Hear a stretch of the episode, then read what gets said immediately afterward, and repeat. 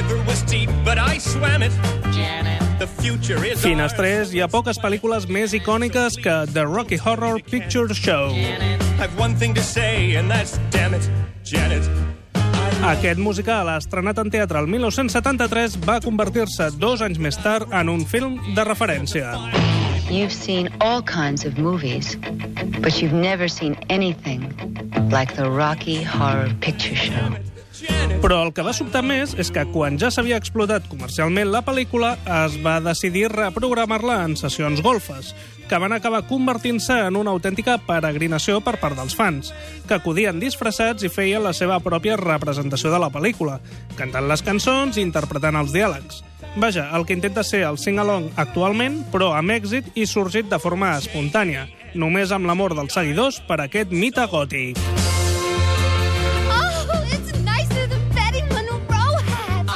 Aquesta setmana fa 40 anys de l'inici d'aquelles mítiques sessions golfes que van durar anys i anys. Pel·lícula fric, pel·lícula de culte, clàssic del cinema i musical imprescindible. Raons de sobre per dedicar-li a The Rocky Horror Picture Show... La dada de la finestra.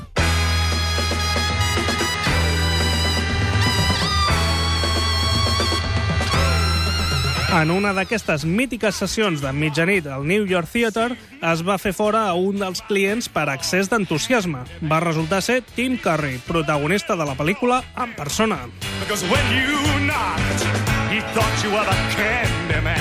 Un doble d'acció era utilitzat en les escenes de motocicleta, excepte quan s'havien de rodar plans curts. En aquest cas era l'actor Midlove, que era empès en una cadira de rodes.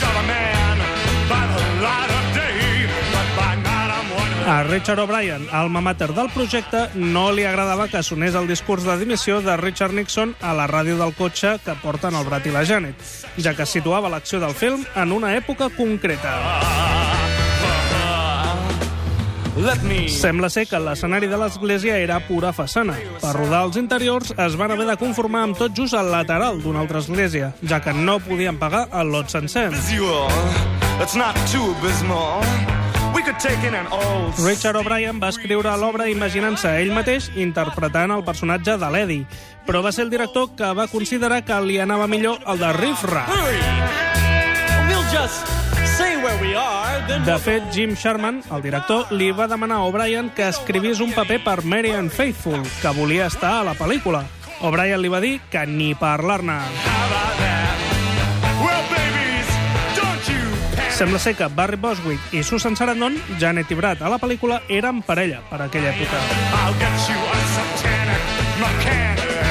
I'm just a sweet Richard O'Brien va reconèixer anys més tard que li va agafar molta mania a Tim Curry, ja que es van dur totes les bones crítiques. Deia que era fàcil, ja que tenia les millors frases. Curiós, ja que ell va escriure el guió. Why don't you stay for the night? Maybe A l'obra de teatre, cada actor s'ocupava del seu maquillatge. Per a la pel·lícula van confiar en Pierre Laroche, que en aquell moment era l'encarregat d'imatge de gent com David Bowie o Mick Jagger.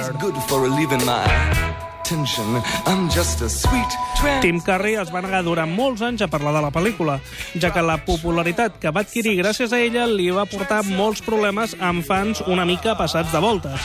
I va arribar a admetre en una entrevista que volia desencasellar-se del paper de Frank, que durant molts anys el va perseguir. Susan Sarandon també es nega a parlar de la pel·lícula. En el seu cas és perquè cap dels actors ha cobrat els royalties per la venda de DVDs. Come up to the lab.